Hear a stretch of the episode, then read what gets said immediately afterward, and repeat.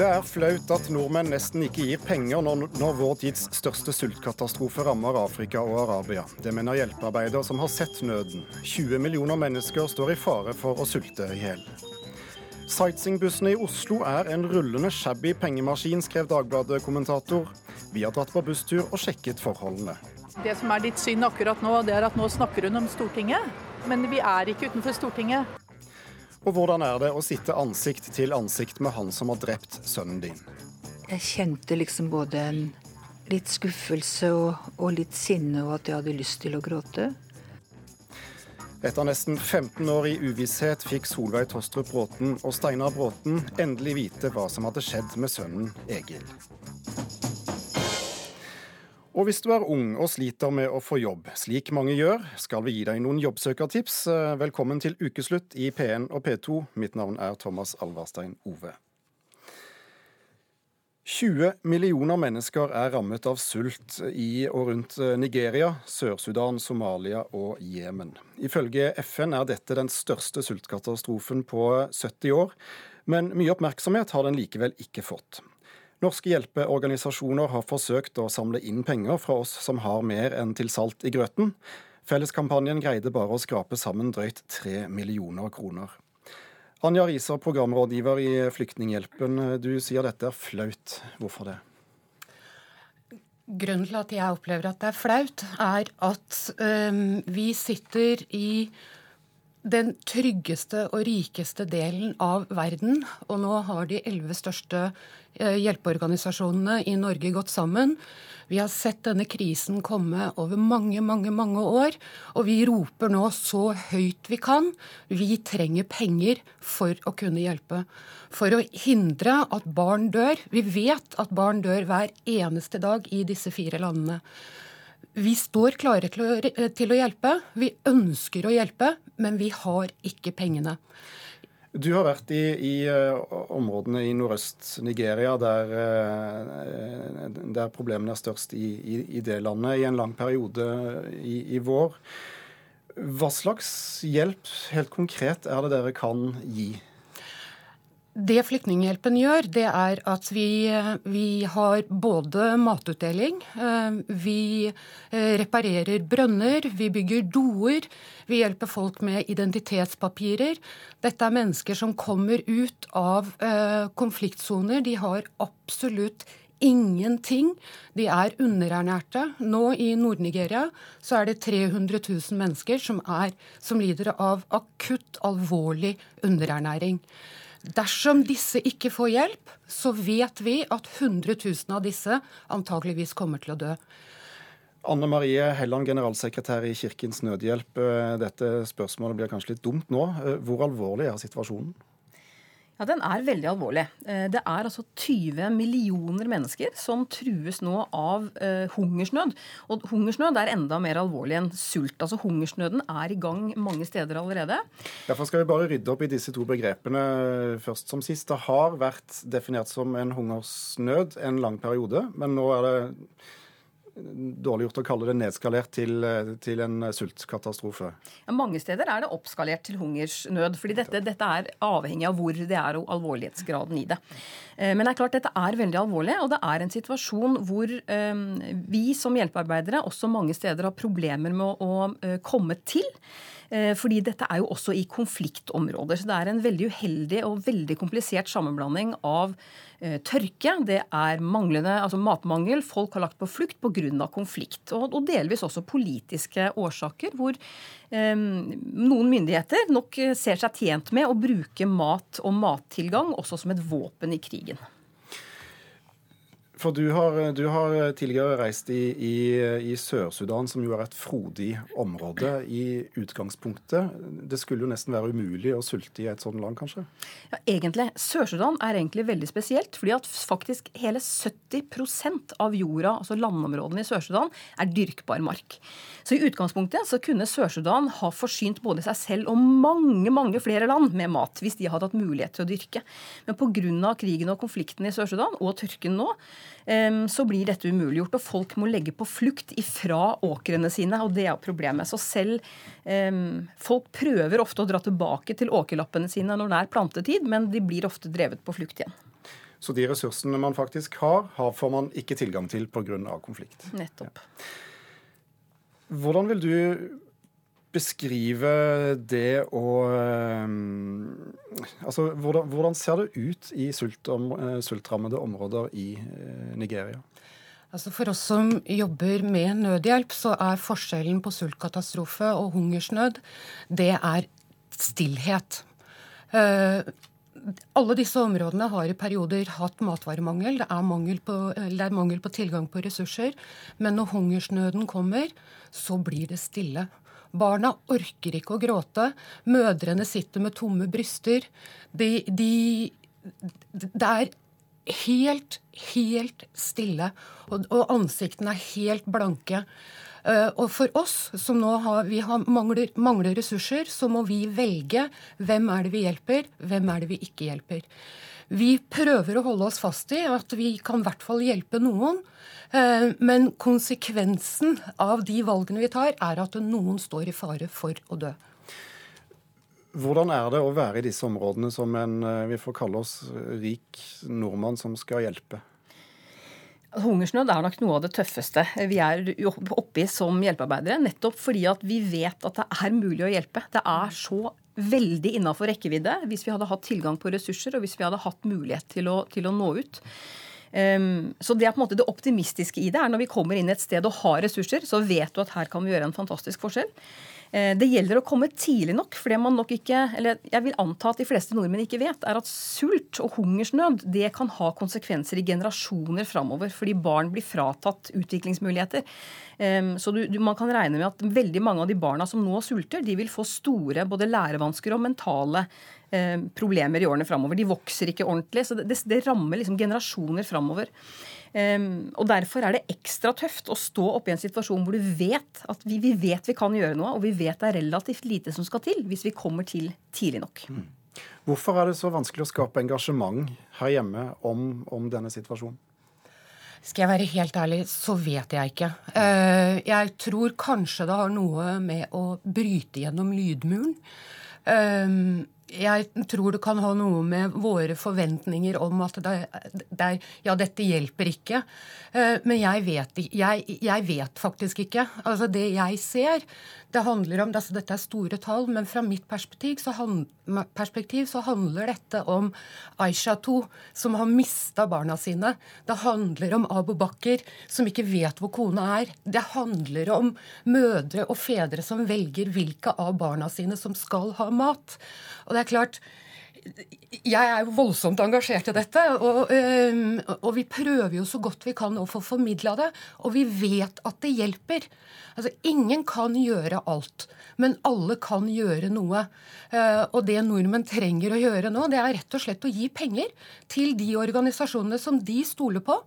Det, det er det vi trenger, for vi er klare til å hjelpe, men vi har altså ikke de ressursene vi trenger. Har det internasjonale samfunnet her gjort det eh, vi bør?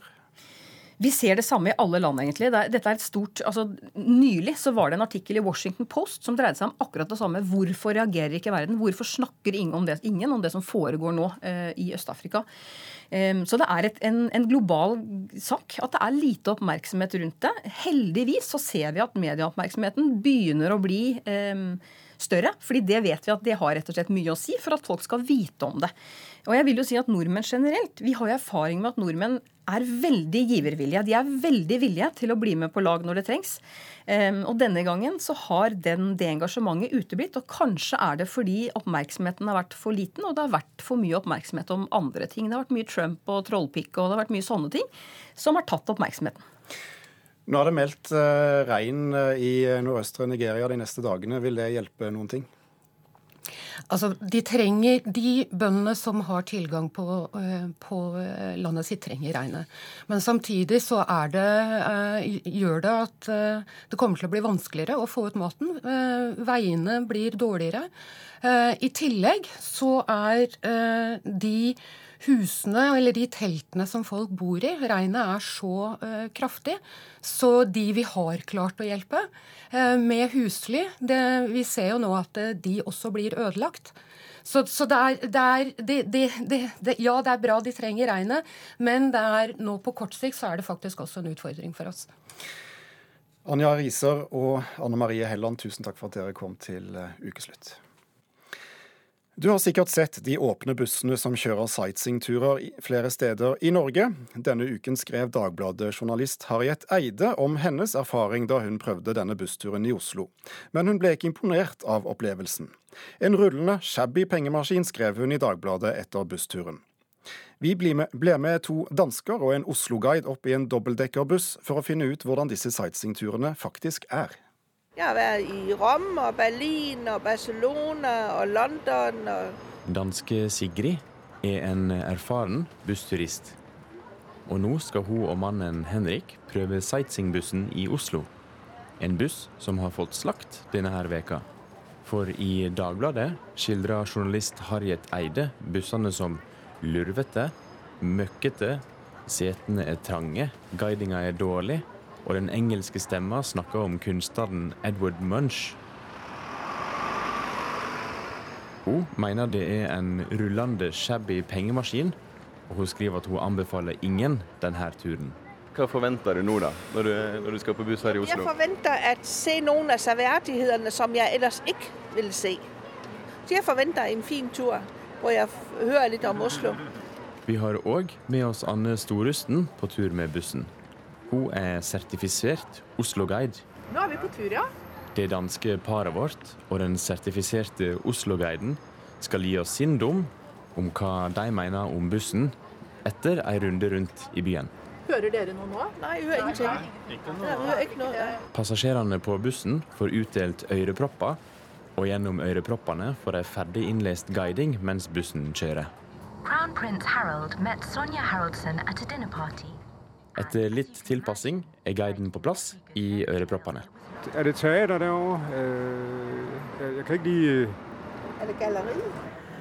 Det som er litt synd akkurat nå, det er at nå snakker hun om Stortinget. The Parliament. Og det hun sier er veldig bra, men vi er ikke utenfor Stortinget. Ikke sant? Så vi ser det ikke ennå. Sånn at det, det, er jo noe som er litt sørgelig akkurat med en sånn type guiding. At man ikke får tilpasset det der og da. Dette styres av GPS-koordinatorer. Så hvis det er litt forstyrrelser, så kan det forstyrre hele akkurat det presise momentet når guidingen skal slå inn. Vår Grytbakk i Strømma Norge, som driver sightseeingbussene, sier at de jobber med å få timinga på guidinga til å stemme. Men hun mener at en ikke kan forvente at det blir perfekt. Dette her er noe helt annet enn et høyklasseprodukt der hvor du har en person som kan fortelle akkurat når bussen kommer til de stedene som man da passerer. Og nå forteller de her det er norske folkemuseet, ikke også? Det er fint. Det, det, det, det må være noe gammelt noe. Nå er bussen på vei inn mot sentrum av Oslo, etter å ha vært ute på Bygdøy. Og Henrik og Sigrid er i gang med å oppsummere guidinga de har fått på øret. Den er veldig fin, og man får også litt historie altså om, om det norske kultur. Det syns jeg er fint. Om skolesystemet og om det kongelige.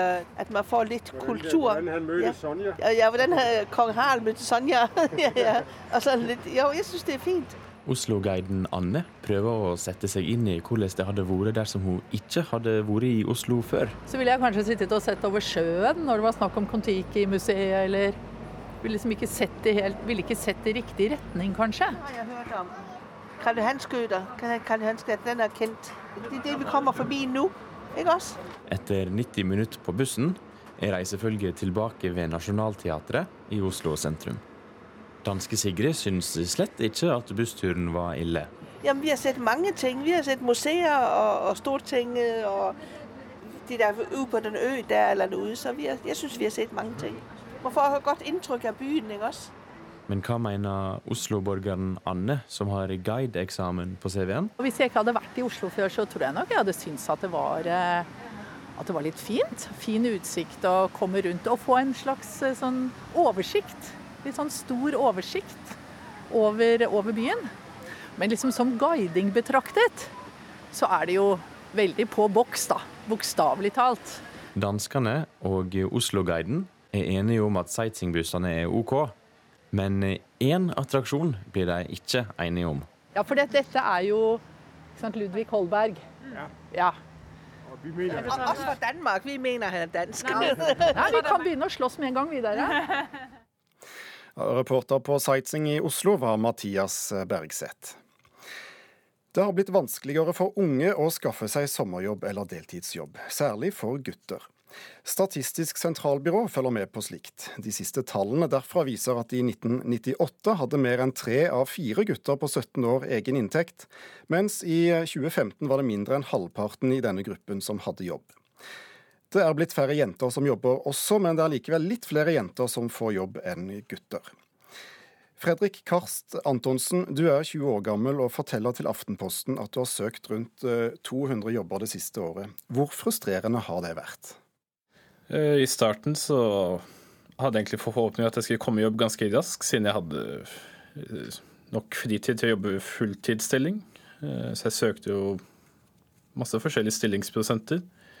Men etter hvert som tiden gikk, da, og man får veldig sjelden svar fra disse bedriftene, så liker liksom litt moralen nedover, men jeg fortsatte jo å søke. Hva slags eh, jobber søkte du på? Jeg søker alt fra lagerjobber, butikkjobber, eh, supportjobber over telefon. Det er i hvert fall de tre hovedkategoriene jeg har søkt i. Så du vil ikke si at du har vært kresen? Nei, jeg har vært åpen for det meste. Hva har forklaringen vært på, på avslagene du har fått, hvis du har fått forklaring, da? Det meste har jo vært at man mangler erfaring. At de gjerne vil ansette folk som kan sette seg raskt inn og gjenkjenne det arbeidet som står overfor dem, eller det jobben krever av dem. Så det tror jeg er en ganske stor grunn til at jeg ikke har fått jobb på de stedene jeg har søkt. Har du omsider fått noen jobbtilbud? Jeg er jo nå ansatt i et bemanningsbyrå som tar seg av litt forskjellig. Det kan være litt lagerjobbing, flytting, litt sånn diverse tunge løft, da, som de ofte trenger en del folk til det er aldri noen faste dager. Man blir bare tilkalt et par dager i forveien, og så ja. Hva tror du det skyldes at færre unge får sommerjobb eh, eller annen jobb ved siden av skole og utdanning nå enn, enn tidligere? Det er jo det at vi begynner å bli for mange folk her. da. At eh, mye av prosessen blir automatisert. Det er en litt blanding av de to. At ting går eh, Man skal gjerne kutte kostnader og ha akkurat passe antall ansatte. Har du noen gode forslag til ting som kan gjøres for at det blir enklere for unge å, komme inn i arbeidsmarkedet? Jeg syns vi burde satse mer på at ungdommen skal få tilbud om praksisarbeid i skolen. At det skal være et valg. For jeg veldig mange kan bli mer attraktive i jobbmarkedet. Litt mindre lesing på bok og litt mer praksiserfaring, for det er det, først, det er det som telles når man er der ute. At man har den erfaringen i hendene. Takk skal du ha, Fredrik Karst eh, Antonsen. La oss venne oss til noen som kan dette med rekruttering og, og jobbsøking. Selina Bålerud, du jobber for eh, konsulenthuset Hammer og Hanborg med slikt.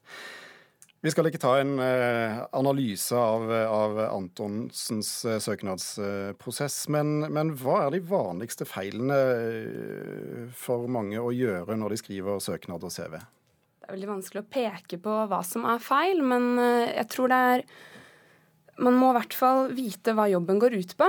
Eh, det kan være litt vanskelig noen ganger. Og for unge mennesker kan det være vanskelig å vite hva man er god til, og hva man er litt mindre god til.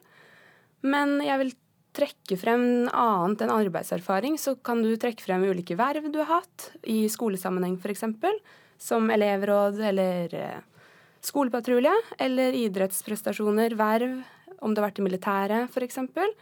Eh, du kan jo også, Det viser jo et potensial. Du kan jo også ta kontakt med bemanningsbyråer, akkurat sånn som Fredrik har gjort.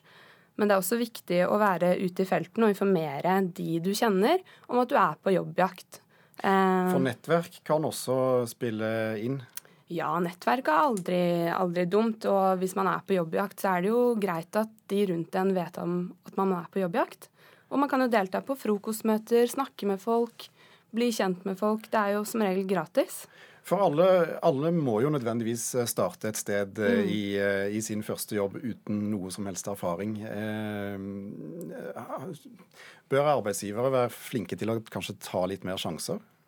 Ja, men samtidig så er det jo viktig at man viser at man er engasjert og at man har et potensial. Det er jo ofte mange stillinger som får inn over 200 søknader. Og da er det jo viktig å trekke frem hvorfor en skal velge akkurat deg, og ikke en av de andre 200. Så ja. Det er sikkert vanskelig å, å, å, å si, men, men uh, fins det et uh, triks i ermet som uh, du kan trekke frem nettopp for at arbeidsgiver skal velge deg eller meg? Hvis man er ung, så er jo vi heldigvis innfødte digitale. Og hvis man er ute etter en digital jobb, så kan man jo lære seg mye på egen hånd. Men det er nok ikke noe triks. Ville bare holdt motet oppe og fortsatt å søke og vise hvorfor de skal velge akkurat deg. Kan det tenkes at, at uh, mange av oss er uh, for lite klar over hva vi egentlig kan? Ja, det kan være litt vanskelig, og spesielt for da unge som kanskje ikke har like mye erfaring, å vite hva man er god på. Så er det også viktig at man ikke har for høye forventninger. Uh, så si ja, og man kan danne sin egen drømmejobb. Tusen takk for de rådene, Selina Bålerud. Vi skal høre med politikerne om, om de kan gjøre noe med dette. Hedvig Heierdal, leder i Høyres eh, studenter. Du skrev på Facebook denne uken eh, at unge som søker haugevis av jobber uten å, å, få noen sikter for høyt om å gå i seg selv. Hva mente du med det?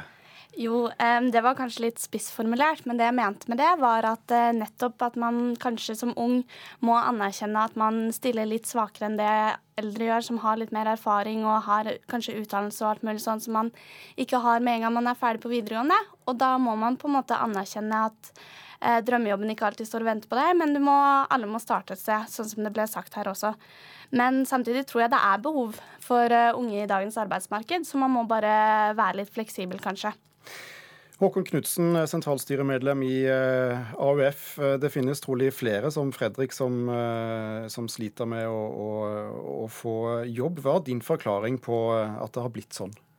Altså, det er to hovedårsaker til at det nå er et veldig pressa arbeidsmarked. Det ene er det som vi har vært inne på nå, om eh, den økte digitaliseringa eh, som vi ser i arbeidslivet.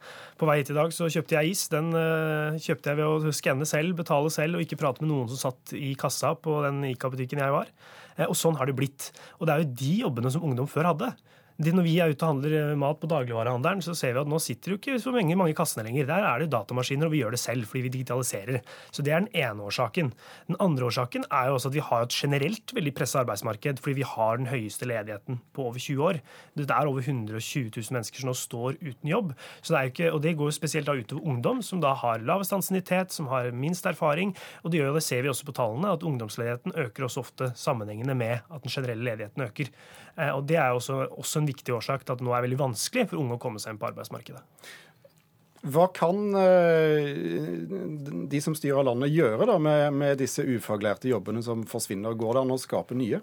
Ja, Det er jo helt riktig at eh, det er veldig vanskelig for mange å få seg jobb, og samfunnet er i endring, som gjør at digitalisering kommer og tar jobber som vi før, som unge kanskje før hadde lettere å få. Men og, men samtidig mener jeg også som du sier, at regjeringen har et ansvar. Og har, uh, regjeringen har også gjort mye bra for å gjøre det enklere for unge å komme i arbeid, og også stoppe den økningen som har vært de siste årene i antall unge ledige. F.eks. ved at man har gjort det enklere for bedrifter å ansette unge midlertidig.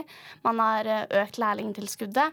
og i tillegg så har Eh, regjeringen lanserte en landsdekkende ungdomsinnsats som skal sørge for at alle som er under 30 år og verken er i jobb eller utdannelse, skal få veiledning og hjelp fra Nav for å komme seg inn i arbeid. Det tror jeg er ting som gjør det lettere for unge å få litt erfaring og få en fot innenfor som videre kan gi den drømmejobben. Da. Høres ut som glimrende tiltak, Knutsen. ja, for det første så vet vi jo faktisk av å bare se på utviklingen de siste årene at uh, åpningen for midlertidige ansettelser fører ikke til flere jobber. Det fører til flere midlertidige jobber. Så ungdom som før hadde to bein på innsiden av arbeidslivet, må nå ta til takke med kun ett om å bruke det første tida i sin, sitt, sin, arbeids, sin arbeidskarriere uh, på å ha en veldig usikker jobb, hvor man f.eks. ikke kan få boliglån, og eller ikke har noe forutsigbarhet lenger lenger enn hva den arbeidskontrakten din tilsier. Det mener vi er en dårlig politikk, som også vi også ønsker å eh, reversere når vi, hvis vi vinner valget til høsten. Og så er det også, Siden denne regjeringen har tatt over eh, i 2013, så har 66 000 mennesker mista jobben, og som fortsatt står uten en jobb å gå til. Og det er, eh, Men det er gjerne i spesialiserte oljejobber, da. Det, det ja, helt riktig, helt riktig. og Derfor mener jeg at vi, derfor jeg synes jeg er helt enig når eh, Høyre påpeker at det er jo ikke dems skyld at de har en lavere oljepris, men jeg mener det er regjeringens ansvar når vi ser disse markedssvingningene og disse tingene skjer, hvordan de møter det. Og der mener vi har møtt det med altfor få tiltak altfor sent. Men la oss gripe fatt i et forslag fra, fra Fredrik Antonsen, helt til slutt. Han foreslår mer praksis og gjerne mer kunnskap om jobbmarkedet inn i skolen. Har vi for lite av det i dag? Eh, jeg tror absolutt at Fredrik sitt forslag kunne vært et veldig godt forslag. Mer praksis i skolen er noe vi uh, Unge Høyre og uh, Høyre også har jobbet for. Og det, jeg, det, tror jeg absolutt er en god idé. Men jeg vil også bare si til det med midlertidige ansettelser at Håkon glemmer å nevne at over halvparten av de som blir ansatt midlertidig, de får en fast stilling i løpet av ett eller to år. Så det, de, det midlertidige ansettelser gjør, er at det hjelper folk å komme innenfor. Og jeg tror også Håkon er enig i at litt erfaring og en midlertidig stilling faktisk er bedre enn ingen erfaring og ingen stilling i det hele tatt. Hva kan skolens oppgave være, tenker du? Ja, først må jeg si jeg er helt enig i at det er jo bra at de som har en midlertidig stilling, senere får en fast stilling, og at veldig mange gjør det. Selvfølgelig. Men jeg mener jo at eh, når vi ser at det ikke skapes flere jobber med denne ordningen, men rett og slett mer utrygge jobber, så mener jeg det er en dårlig ordning. Og jeg syns vi skal komme få begge beina på innsida av arbeidslivet med en gang. Og så jeg mener skolen mer praksis inn, mer, eh, mer fokus på å lære om arbeidsmarkedet. Eh, men, og samtidig mener jeg også noe av det vi må egentlig tilvenne oss litt tanken, at jeg tror vi må slutte å tenke at folk går på skolen fra de er 5-6 til 19 år, og så, og så høyere utdanning. og så er man ferdig utdanna. Den ideen tror jeg holder på å dø ut litt. Jeg tror flere og flere eh, må gå ut i arbeidslivet i noen år, og så gå tilbake til skolebenken igjen. Både fordi jeg tror arbeidsgiverne tror at dette er smart, lurt, for vi trenger ny kompetanse i bedriften. Samtidig som du selv også kanskje tenker at hm, kanskje jeg skal få en ny kompetanse som jeg kan gå over til andre sektorer eller næringer. Jeg tror det blir mye mer av det, og derfor må vi også legge til rette det, med frem til å styrke fagskolene, som er en kjempearena for å gjøre det. Og så vet vi at det kommer mange fine vedtak på Stortinget, eh, gjerne luftige, ikke alltid de følges godt opp dere som ungdomspolitikere, vil dere love å, å, å følge med på de voksnes arbeid her? Kort ja nei? Ja, ja. selvfølgelig. Bra. Takk skal dere ha, Hedvig Heierdal fra Høyres studenter og Håkon Knutsen fra AUF. Du hører på Ukeslutt i NRK P1 og P2. Blir du med oss videre, får du høre at i nesten 15 år levde foreldrene til Egil Tostrup Bråten i uvisshet om hvorfor sønnen ble drept. På starten av sommeren ble to personer dømt for drapet. Hvordan var det å møte gjerningsmennene i retten? Og det brygger opp til vannskuterkaos langs kysten. Det kan bli reguleringer i én kommune, men kjører du over til nabokommunen, er det fritt frem. Hvordan er det egentlig å sitte ansikt til ansikt med han som har drept barnet ditt? Klarer du da å la være å hate? For snart 15 år siden ble 23 år gamle Tostrup Bråten funnet knivstukket utenfor hybelen sin i Oslo. Det skulle gå mange år før foreldrene fikk vite hvem som hadde drept sønnen. Men i juni i år sto to menn tiltalt i Oslo tingrett. For Steinar Bråten og Solveig Tostrup Bråten var det en stor lettelse. Graven den er borte.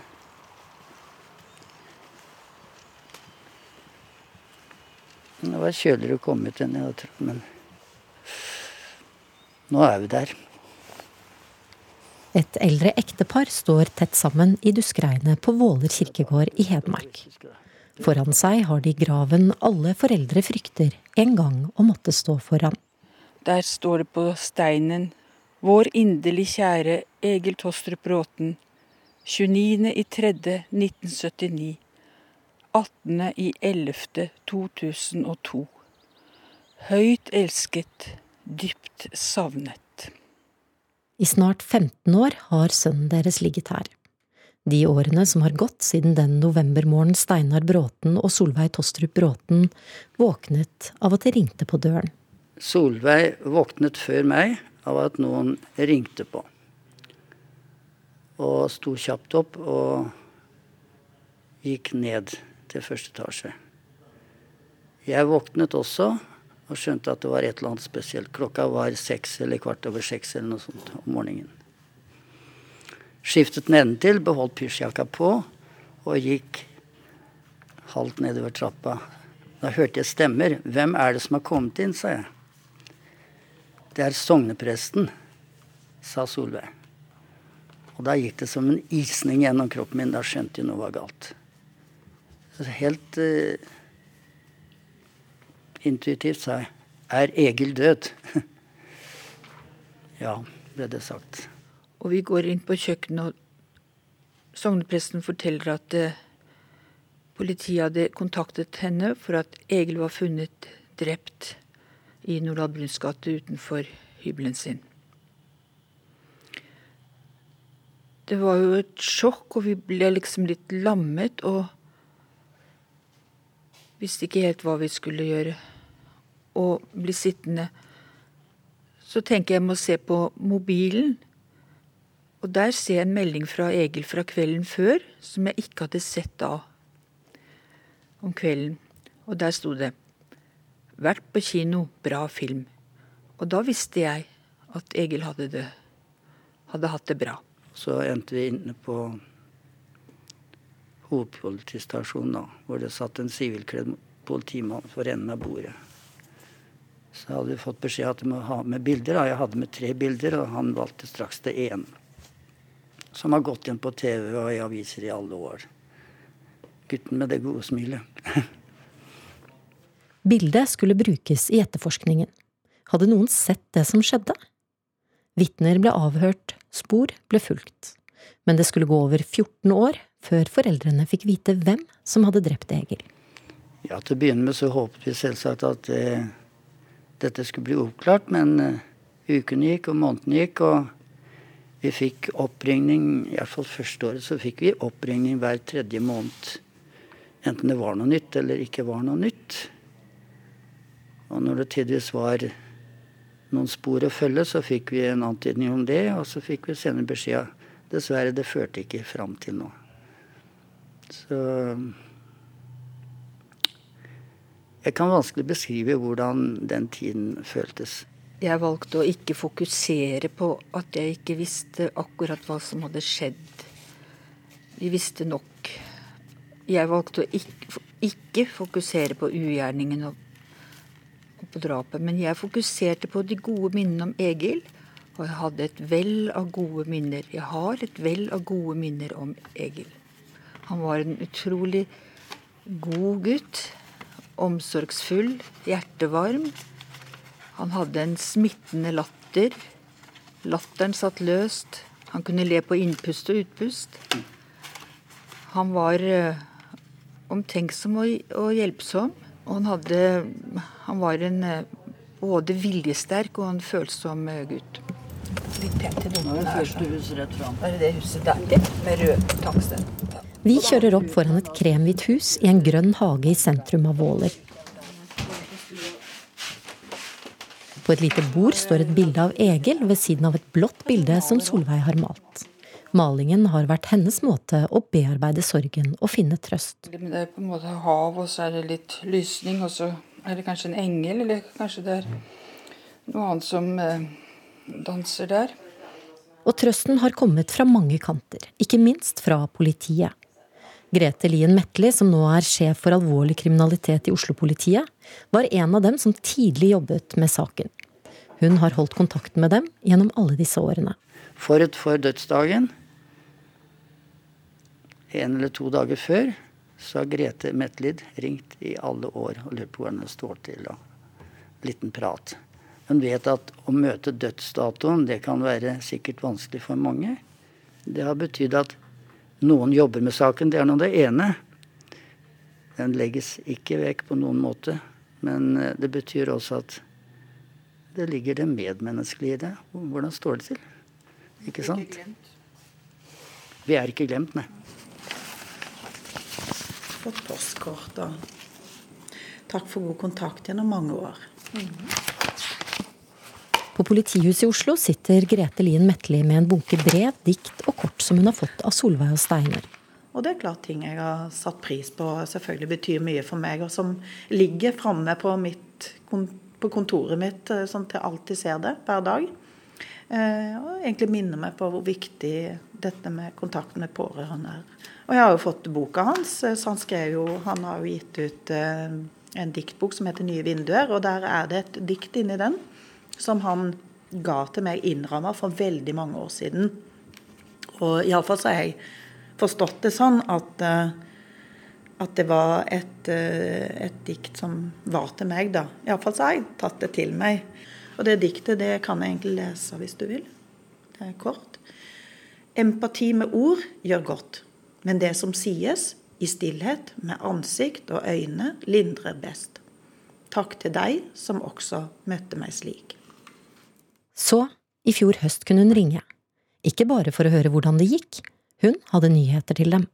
Ja, så det har jo gått av mange år, og etter åtte-ti år så tenkte jeg dette her har jeg liksom lagt bak meg. Jeg tror ikke det blir oppklart noen gang. Og så får vi en telefon. Vi har arrestert en mistenkt. Vi har arrestert en mann som er mistenkt på å ha vært med på det her. Nye analyser av DNA-spor på en knivslire funnet på åstedet leder politiet fram til en 33 år gammel mann som blir tiltalt for drap og for grovt ransforsøk. Like etter blir en 30 år gammel mann pågrepet og tiltalt for grovt ransforsøk. 6. juni i år møter Solveig og Steinar opp i Oslo tingrett. For første gang skal de se han som etter all sannsynlighet har drept sønnen deres. Høre ham fortelle hva som skjedde den kvelden i november 2002. I salen sitter flere venner og støttespillere. Blant dem Grete Lien Metli, som smiler oppmuntrende. Det var en atmosfære av spenning i salen før det begynte første dagen. Og det gikk jo nærmere en halv time før de to arresterte kom sammen med tre mannlige politijenter. Og så kom vel dommeren og meddommerne til slutt inn, da. Hvordan er det å sitte ansikt til ansikt med den personen som har drept sønnen din? Det var litt tøft, det, altså. Det var eh, Jeg opplevde det liksom jeg, Den første dagen i retten syns jeg jo Når disse Da var det jo de to tiltalte som skulle forklare seg. Og jeg opplevde jo på en måte at de på litt forskjellig vis prøvde å bagatellisere det de hadde gjort. Og jeg kjente liksom både en litt skuffelse og, og, litt sinne og at jeg hadde lyst til å gråte. Men jeg hadde jo bearbeidet sorgen i 14 15 år. Så jeg forholdt meg jo helt rolig og Og egentlig så tenker jeg at de også at de, Jeg så jo også at de egentlig ikke hadde det godt. Klarer du å la være å hate dem? Ja, det syns jeg. Jeg var veldig rasende en periode i sorgprosessen, tidlig i sorgprosessen. Liksom året etter, i 2003, høsten da. Men jeg hadde ikke noe sted å ta ut raseriet. Ikke visste jeg hvem som hadde gjort det. Jeg kunne ikke være rasende på politiet, jeg kunne ikke være rasende på familien. Det var liksom ikke noe sted å ta det ut. Men da kjente jeg at jeg var kjemperasende. og tok det liksom ut i drømme. Jeg drømte at jeg var så rasende som det gikk an.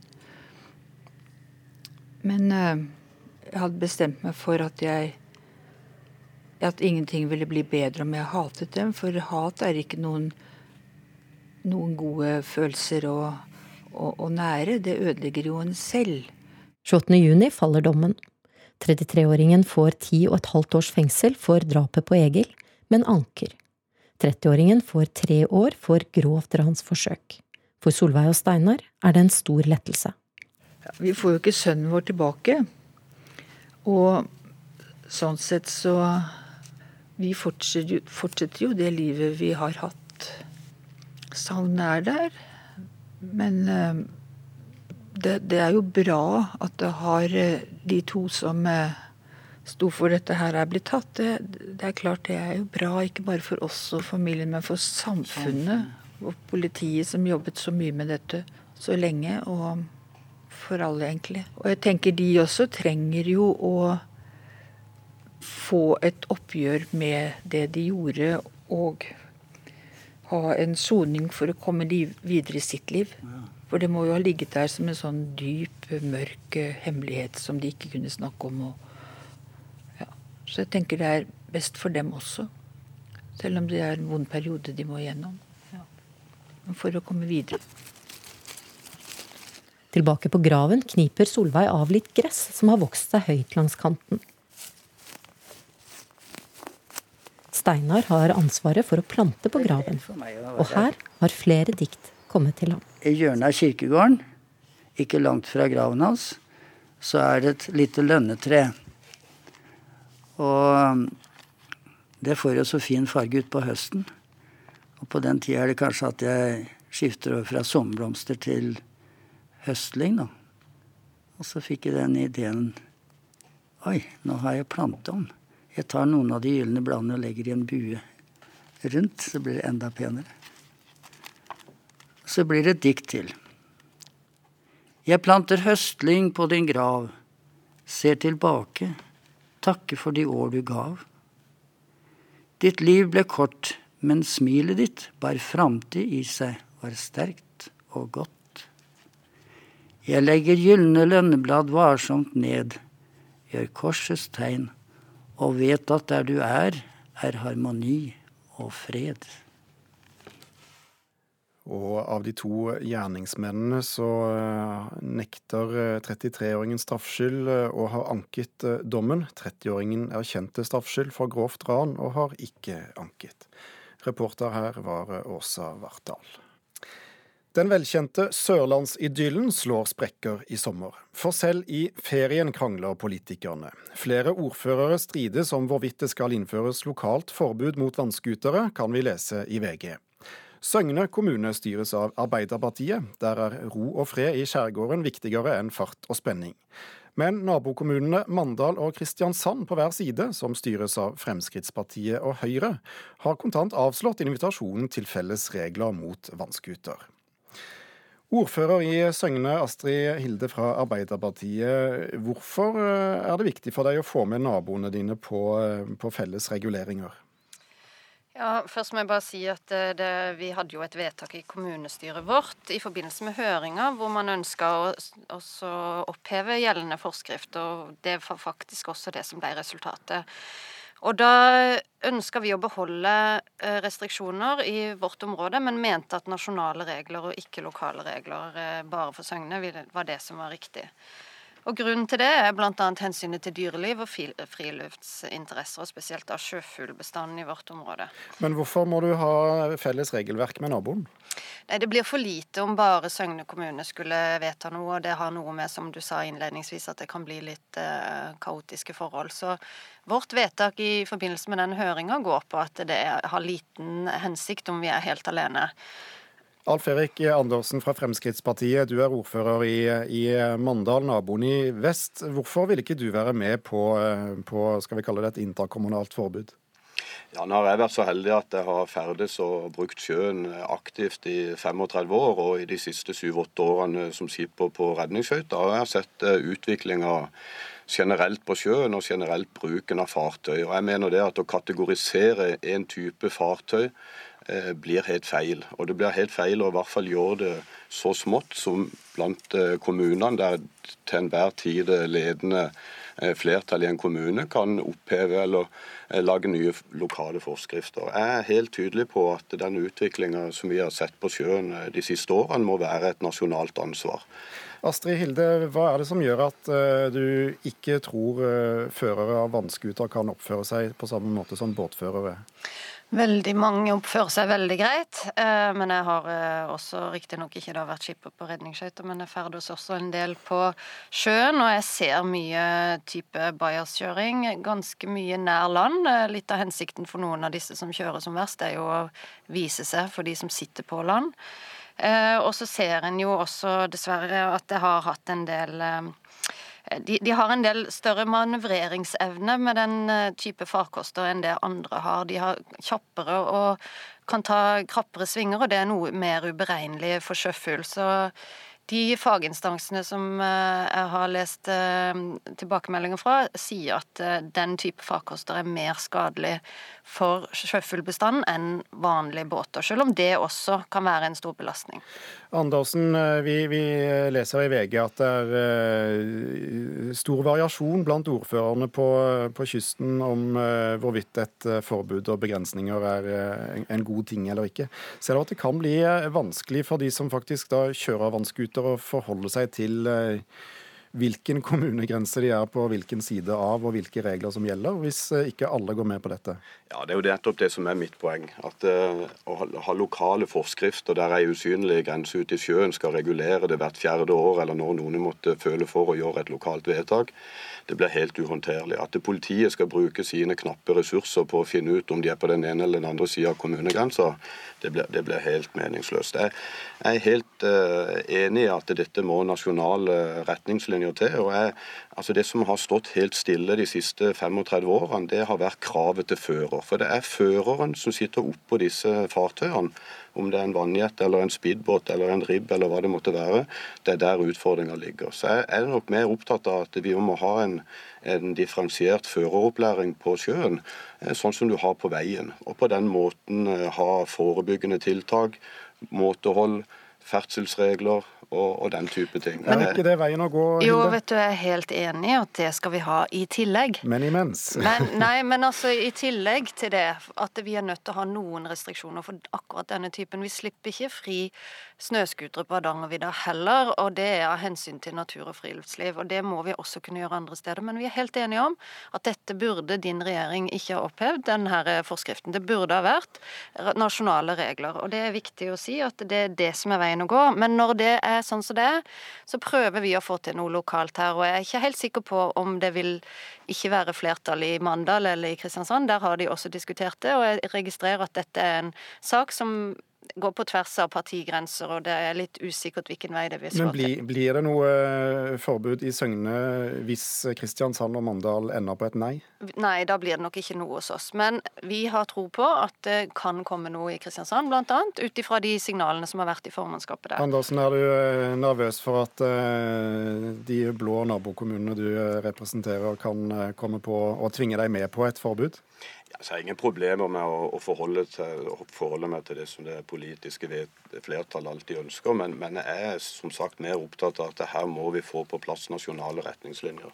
Vi ser vår generalsekretær i Redningsselskapet, Rikke Lind, som er en fantastisk flott uh, dame og generalsekretær. Hun har jo tatt nettopp disse ordene i sin munn og, og ønsker at det da skal flere differensierte regler på plass for å ha et nasjonalt uh, forskrift. Og Det var helt riktig å oppheve denne forskriften for å på den måten kan få et nasjonalt regelverk som gjelder eh, for alle hvor du enn ferdes. Det høres ut som debatten fortsetter. Uansett så har vel kommunestyrene ferie nå. Vi får ønske god sommer i vannkanten med eller uten vannskuter. Takk til Alf Erik Andersen og Astrid Hilde. Vi har kommet til midten av juli. Betyr det at sommeren har lagt seg over landet nå, statsmeteorolog Jon Smits? På en måte har den kanskje det. I hvert fall et sommerlig vær med store variasjoner fra dag til dag. Ikke den store varmen. Er vi heldige i dag, så kan vi kanskje nå 25 grader enkelte gode steder i Buskerud f.eks. 22,7 eh, grader har Gulsvik og Bygdøy for øyeblikket, i hvert fall. Så får vi se hvor mye det stiger da, opp mot 25 kanskje. Men eh, ellers i landet, i morgen og i dag, Spitsbergen skyet oppholdsvær nå i dag, og søndag litt regn av og til, med østlig liten kuling utsatte steder. I Finnmark og Troms her får vi spredte regnbyger. Søndag blir det oppholdsvær og perioder med sol, men utover ettermiddagen kommer det inn litt regn i Troms. Og da kan vi få sørlig liten kuling. Og Nordland oppholdsvær fra sør, eh, etter hvert også i de nordligste områdene i løpet av kvelden. Men eh, ny runde med regn fra vest utover dagen i morgen, med sørlig liten kuling utsatte steder. Så har vi Sør-Norge, hvor nord og vest får oppholdsvær periode med sol eh, i dag, eh, i hvert fall. Til natten kommer det regn inn fra vest, opp i stiv kuling fra sør eh, ved Stad. Senere så dreier vinden mer sør-vest. Utover morgendagen minker litt, men da blir det regnbyger, kanskje torden i morgen kveld. Østafjells og i fjellet får vi en del sol i dag, men stedvis skyet i nord. Til natten kommer det regn fra vest også inn i dette området, men utover dagen så dreier vinden på sør-vest igjen eh, da, og da blir det litt lettere vær. Men det kan bli regnbyger vest i Agder, også på deler av Østlandet, og her kan det kanskje bli lokal torden. Vanlig norsk sommervær der, altså. Ukeslutt er eh, slutt. Ansvarlig for denne sendingen var Sigurd Øygarden Fleten. Teknisk ansvarlig var Erik Sandbråten, og her i studio Thomas Alvarstein Ove.